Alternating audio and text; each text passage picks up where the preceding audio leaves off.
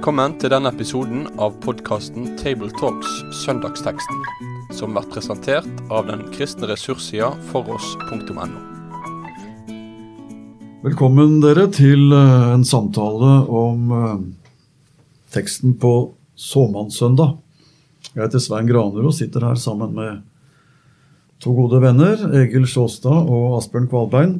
Og nå har vi slått opp i det som er eh, prekenteksten på sommernssøndagen dette året i Markusevangeliets fjerde kapittel. Og vi skal lese det fra vers 26 i Jesu navn. Jesus sa, Slik er det med Guds rike. En mann har sådd korn i jorden. Han sover og står opp. Det blir natt og det blir dag, og kornet spirer og vokser opp. Hvordan det går til, vet han ikke. Av seg selv gir jorden grøde, Først strå, så aks og til sist moden korn i akset. Så snart grøden er moden, svinger han sigden, for høsten er kommet. Og han sa, Hva skal vi sammenligne Guds rike med? Hvilken lignelse skal vi bruke? Det er som sennepsfrøet. Når det legges i jorden, er det mindre enn noe annet frø i verden, men når det er sådd, vokser det opp og blir større enn alle andre hagevekster og får så store grener at fuglene under himmelen kan bygge rede i skyggen mellom dem. Med mange slike lignelser forkynte han ordet for dem, så mye de var i stand til å høre. Uten lignelser talte han ikke til dem, men når han var alene med disiplene, forklarte han alt for dem. Slik lyder ordet, og slik lyder det som skal forkynnes da, på såmannssøndagen. Det er en søndag vi har mange gode assosiasjoner med. og De fleste tenker vel på lignelsen om han som uh, sådde, og så falt i ulik jord, og så forklarer Jesus det, så det blir veldig detaljert undervist om. Uh, ja, er det sammenlignelsen, Asbjørn, eller er det, er det en kortversjon, eller har Jesus på en måte to utgaver av denne beretningen, tror du? Dette er vel bare noe vi må spekulere i. Jeg tror kanskje han fortalte det til forskjellige tider. Eh, for han, han, snakker om Guds rike i mange sammenhenger og mange lignelser. Og det er sikkert fordi at Guds rike er så ufattelig stort og uforklarlig at man må forklare det på mange måter. Men det som jeg tror er hovedsak i denne versjonen av denne lignelsen, er at det begynner med noe veldig smått og unnselig, som et korn i jorden, og så blir det eh, til noe stort. Hva det blir til, vet vi jo ikke alltid, men vi må bare skjønne at det skjer ved Guds kraft. Av seg selv gir jorden grøde. Og der er brukt i grunnteksten ordet automatisk, så å si. Det skjer av seg selv. Det er ikke, det er ikke vår innsats. Så det syns jeg er hovedsaken i, i denne versjonen av såmannslignelsen. Men da er det jo to lignelser her, da, Egil. Er, må vi preke to avdelinger, eller, eller står disse så tett ved hverandre at de på en måte utfyller hverandre og integreres i hverandre? I ei preike så syns jeg nok at det går an å la den siste integreres i den første. Jeg har tenkt sånn at det står om at det blir noe stort ut av det lille såkornet, det lille sennepskornet også. Så at de har noe felles, dette her, som vi kan knytte sammen. Nå står det riktignok om at det kommer fugler og bygger reir i greinene. Så det er et eh, perspektiv som er ikke så lett å få med i den første. Ja, Vi må prøve å finne ut hva det betyr etter hvert også. Det får vi gjøre etter hvert. ja. Men det er lignelser. Og det står jo til slutt at han utla dem for, det, for dem alt sammen. Så det er ikke sånn alltid at Jesu lignelser er så enkle å forstå. Vi må se dem i den sammenhengen de står, og i lys av hvem Jesus er, han som fortalte dem. Det tror jeg er veldig vesentlig. Det står jo da at Jesus fortalte lignelser for at de skulle høre og ikke skjønne. og ja, se og ikke forstå. Ja. Så noen ganger lurer jeg på om Jesus forteller liksom for å gjøre det vanskelig for folk. Jeg lærte en gang i studietida at når nesten alle tekstene i evangelia, der skal du ha som utgangspunkt hvem er det som er hovedperson her. Og Jesus sjøl er hovedpersonen i alt. Det var en professor som sa det. Og, og det var ikke fordi at han var professor at dette var viktig, men jeg tror det at hvis vi glemmer hvem som forteller disse lignelsene, så mister vi et hovedpoeng. Det er sant, men så ofte har jo dette blitt en appell også om å være aktiv med å så Guds ord. At vi gjør det også. Og vi er jo Jesu tjenere ved å gjøre det. Og det kan vi gjøre helt konkret med å så Guds ord, men bare for å tenke på perspektivet Jeg leste om en eh, fyr som eh, kjørte bil mellom Asker og Oslo hver dag til jobb, og der var det masse bilkø. Han ble stående fast eh, daglig, så å si, i køen. Og da hadde han en pose ved siden av seg med frø som han kastet ut på midtrabatten på motorveien. og, og, det gjorde han til forskjellige steder og forskjellige tider. Og jeg har selv sett alle de frøene av solsikker som har vokst opp etter den mannen, og det har vært skrevet om det i avisen. En mann som så det som en oppgave, og så flittig. Og det er jo det som det er bilde på, syns jeg også, at vi kan både sove og stå opp og natt og dag og men kornet spirer automatisk, det vokser. Vi vet ikke hvordan det skjer, men av seg selv så blir det store ting. Jeg ser for meg et stort fat det som far har på veggen. Etter 25 år som søndagsskolelærer så fikk han et stort fat. Og det som var rissa inn i det fatet, det var såmannen som sådde. Det var altså søndagsskolelærerens uh, rolle. Det var å så. Og det har mange søndagsskolelærere gjort uten å kunne si at det og det og det ble resultatet av det. Resultatet måtte de overlate til Gud. Og, og det er mye av kristent barne- og ungdomsarbeid sin eh, skjebne. da, Å gjøre det i tro til Gud, at det skjer noe. Og at det, det såkornet her er sånn som det beskrives, av seg selv. Bare jorden jeg. Det var vel sånt rundt trau som de gjerne gikk med. Vi har sett ja, bilde av sånn mann gikk med det i venstrehånda, alt ettersom de var kjevhenterike. Og så ja. strødde de omkring seg med sånn fin svingbevegelse for å mm. få jevn og bred såfelt. De som hadde gjort dette lenge, de, de kunne det der. De andre hadde nok måttet eh, sjekke litt nærmere om det kom frø alle steder. Eh, dette er jo en spennende måte å begynne på, eh, og det er kanskje den beste, for da er vi veldig nær det praktiske. og Jeg tror det ofte gjør at vi får på en måte noen knagger hos folk som vi kan hekte videre på det som vi vil ha fram. Knytter opp mot det kjente eller det som er lett å anskueliggjøre. Eh, men det er jo et perspektiv her som jeg tenker er hovedsaken, sett fra en annen synsvinkel, nemlig Guds rike. Hva skal jeg ligne Guds rike med, sier Jesus i innledningen til lignelsen om sennepsfrø. og jeg tror som dere at disse to beretningene er tett vevd sammen, så det er jo Guds rike det går på hele veien. Og Det står jo som innledning til veldig mange av Jesu lignelser. Eh, så jeg ville sikkert sagt noe om det også, om jeg hadde gjort det innledningsvis eller ikke, at det vi skal lære om her, det har med Guds rike å gjøre. For det er det Jesus proklamerer når han starter sin offentlige gjerning, at nå må de vende om og følge Han, for Guds rike har kommet nær. Han har brakt Guds rike nær. Nå er det her med Han.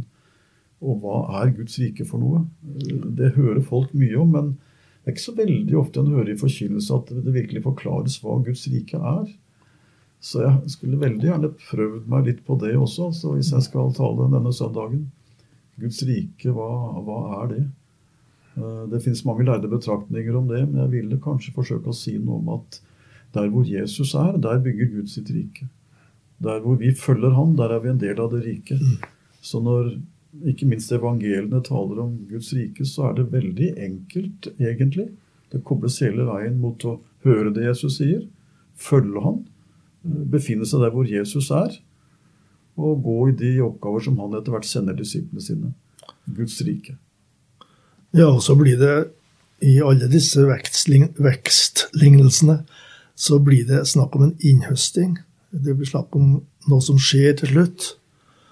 Og eh, den gamle skjelningen mellom Guds nåderike og Guds herlighetsrike, det kan være et bakteppe når du tar for deg dette her og skal forkynne om det. Fordi det budskapet vi har, det er jo et nådebudskap. Det er det som skal spire. Og til slutt så blir det et brudd der Jesus kommer igjen. Det skjer en innhøsting, og så er det herlighetsriket som trer fram. Ja. Kan du knytte an til Guds rike på den måten. Mm. Og alle riker har jo sine lover og regler og sine måter å virke på. Og det fremste ved det, dette Guds rike er jo at Jesus er konge der. Han regjerer som konge, og han har ikke trådt fram for vår bevissthet så sterkt ennå, men, men, det er det det må gå på. Og dermed skal vi tenke rikets lover, det ligger jo at det er vekst, og det er en gåtefull vekst. Det er en vekst som skjer i stillhet, ikke med de store fakter og sensasjoner. Det er en vekst som krever tålmodighet og tro, slik bonden også må vente til at det automatiske skal skje, at det gror av seg selv. Og all vekst kan møte motstand og hindringer. Dårlig vær vet vi kan ødelegge, men også motstand ellers. Og eh, all vekst har et mål, og det er at det skal bli et herlighetens rike til slutt. Så disse perspektivene må med, tror jeg, når vi snakker om, om Guds rike. Paulus er jo opptatt av flere utsagn som på en måte på, uh, påviser uh, dobbeltheten han sier at eh, vi er borgere i himmelriket. Og han sier i Kolossene 3 at eh, vårt liv er skjult ved Kristus hos Gud. Altså er, Vi er i en overlappingsfase hvor vi lever i den skapte verden og i en tidshusholdning sammen med alle mennesker. Og der lever vi under denne verdens lover. Og Samtidig er den som hører Guds rike til, borger av et annet rike. Og i denne tiden hvor Guds rike og verdensriket er på en måte parallelle riker, så er det verdensborgerskapet som syns mest. For det ser alle. Det himmelrike borgerskapet mitt det skulle også synes, men det på en måte blir til når jeg i hverdagen kanskje kan vise noe som forteller at jeg hører Jesus til. Men det, men det er smått tilsynelatende. Sånn at Guds rikets herlighet, som det snakkes om, den folder seg ikke ut nå. Nå er det på en måte, det er ikke skjult, men det er likevel smått tilsynelatende fordi, fordi det er der hvor Jesus er. Hvor Jesus har lagt av seg herligheten. Han kommer som tjener. Så hvis jeg skal se sporene av Guds rike i mitt eget liv og hos mine medkristne, så, så må jeg ser det hos dem som forteller at de hører Jesus til i hverdagen. Og kanskje vi skal tale litt om akkurat det også denne dagen. Det har jeg lyst til. Å si noe om det å være en hverdagskristen. Det å være, være representant for det Guds rike som Ja, det synes ikke så stort, men ved troens blikk så ser jeg at her er det, her er det varsler om et rike som, som er stort. Jeg kom på en salme nå som jeg ville ha foreslått. Ja, men du kommer opp Problemet er at uh, en del av disse salmene ikke lenger er så kjent. da. Ja, men, da men det går an å be en pianist om å spille den før møtet, og, og at vi synger gjennom melodien. og sånn. Vidunderligst av alt på jord. Mm. Det er gammelt språk, det er, men det er friskt. altså, Det er Grundtvig. Det er Jesu Kristi rike. Og der følger han gjennom den salmen Eh, dette riket. Dets gåte er et guddomsord. Det blir jo noe av det som vi snakker om med såkornet i Guds ord, som skaper hva det nevner. Også til slutt i siste verset da riket er med solekår til syne og til stede. Det er etter dommen, det er det evige livet. Det er mange salmer som har en mye si, bredere perspektiv på dette her enn det enn det nyere tekster har. Unnskyld. Ja, men det, tror, jeg, det tror jeg du har rett i. Det, det, er en del godt nytt, men det er veldig mye godt av det gamle. Ja, det, det.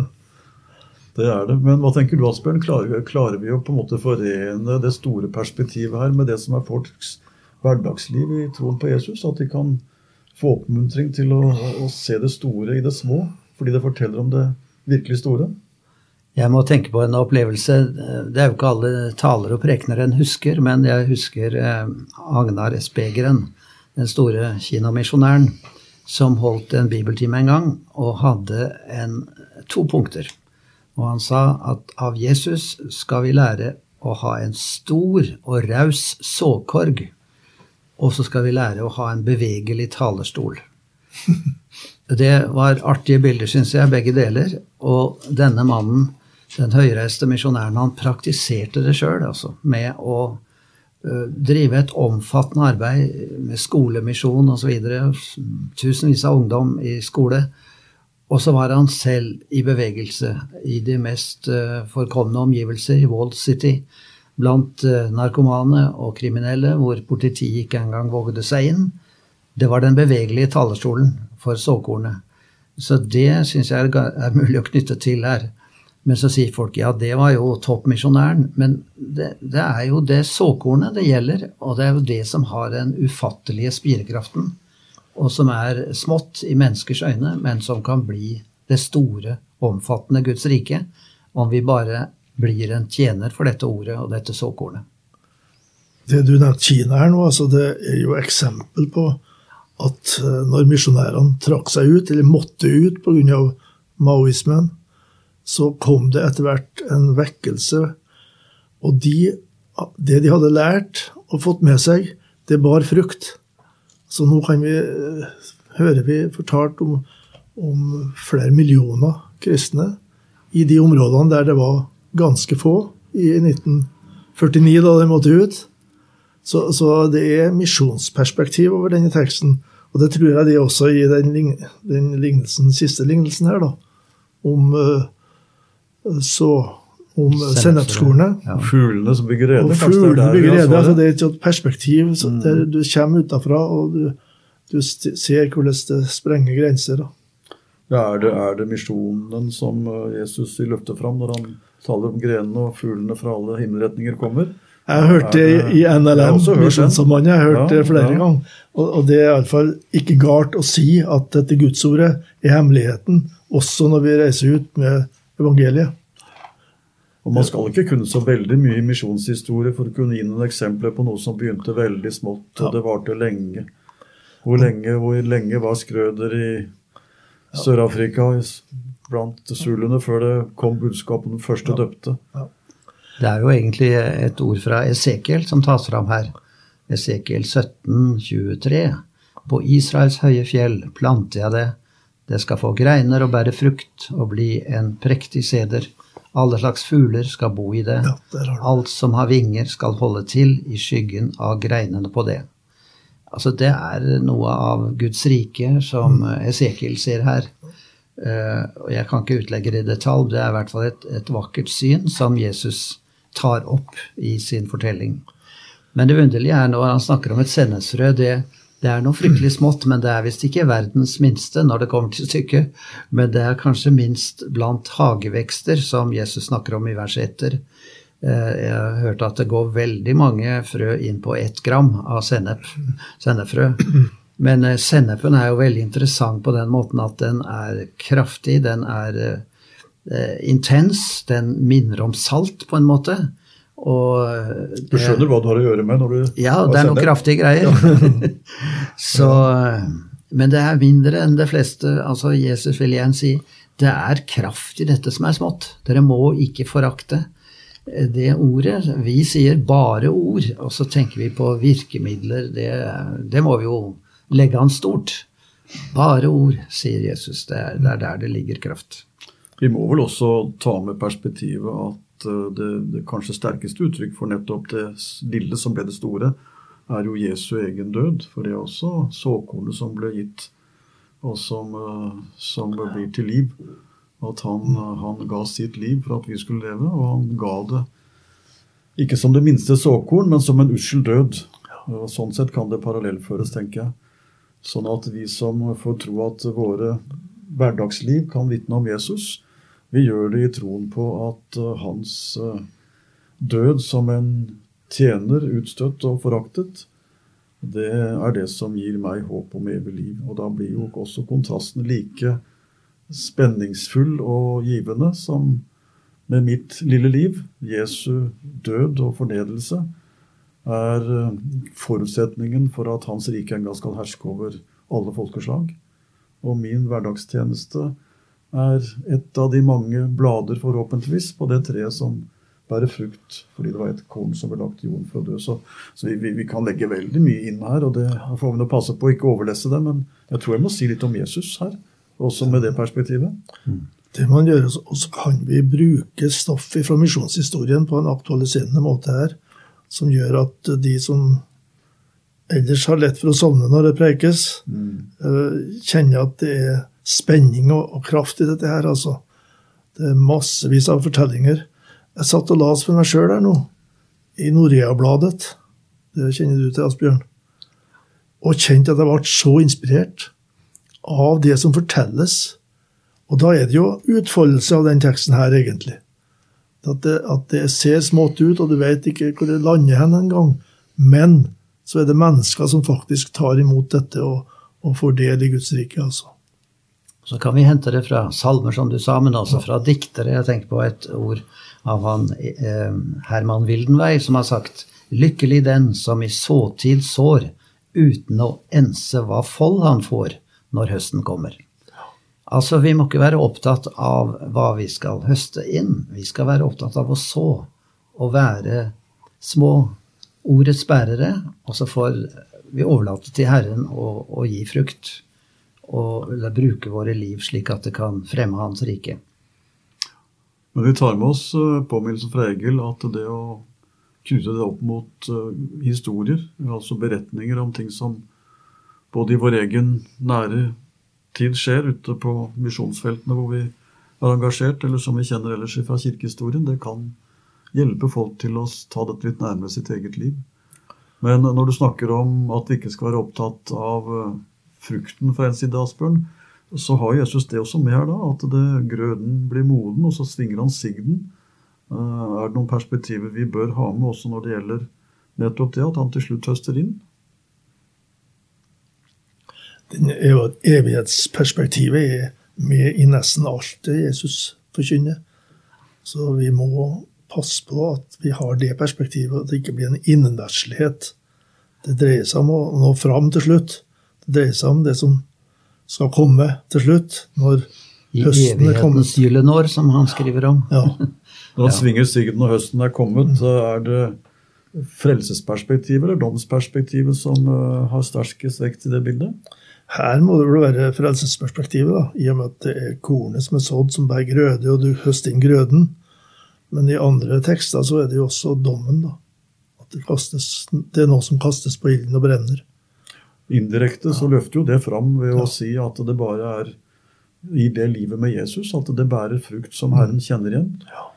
For uh, i mitt liv, det må jeg jo bare bekjenne, der lever ugress og edel vare ganske tett. Noen ganger syns jeg førstnevnte tar overhånd.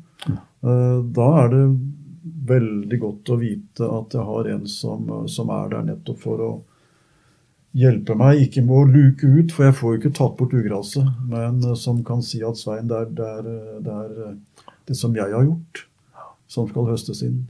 At jeg kan tro det. For ellers så blir jeg fort mismodig, og kanskje jeg skal tale litt enkelt til folk om at Herren ser det som er en frukt av troen på ham. For jeg har noe sånn, og det har jeg skjønt at mange har det, at vi i vårt eget liv ofte ser mer til ugraset enn til, til det som er korn. Også kanskje Jesus må hjelpe oss til å se at uh, han, han kjenner igjen det som er gjort i hans navn. Det er vel det som ligger i lignelsen i Matteus 25 om når han deler flokken i to. Så kjenner han igjen det som er av han. Og Det betyr ikke at de ikke hadde noe ugras, tror jeg, de som fikk komme inn. Men han kjente igjen det som var en frukt av at de, de fulgte Jesus. Og det er jo det som gjør oss motløse. Det er alle de tingene vi finner på som vi tror skal fremme Guds rike, og så mislykkes det. Og så, så, så tenker vi på dommen og svikten og alt, men så må vi tenke på at det er Jesus som skal gjøre det. Automatisk, av seg selv, gjør ordet sin gjerning. Og vi bare ikke blir stående i veien for dette ordet, men slipper det løs og, og lar det få være i sin eh, enkelhet og i sine små former, gjerne.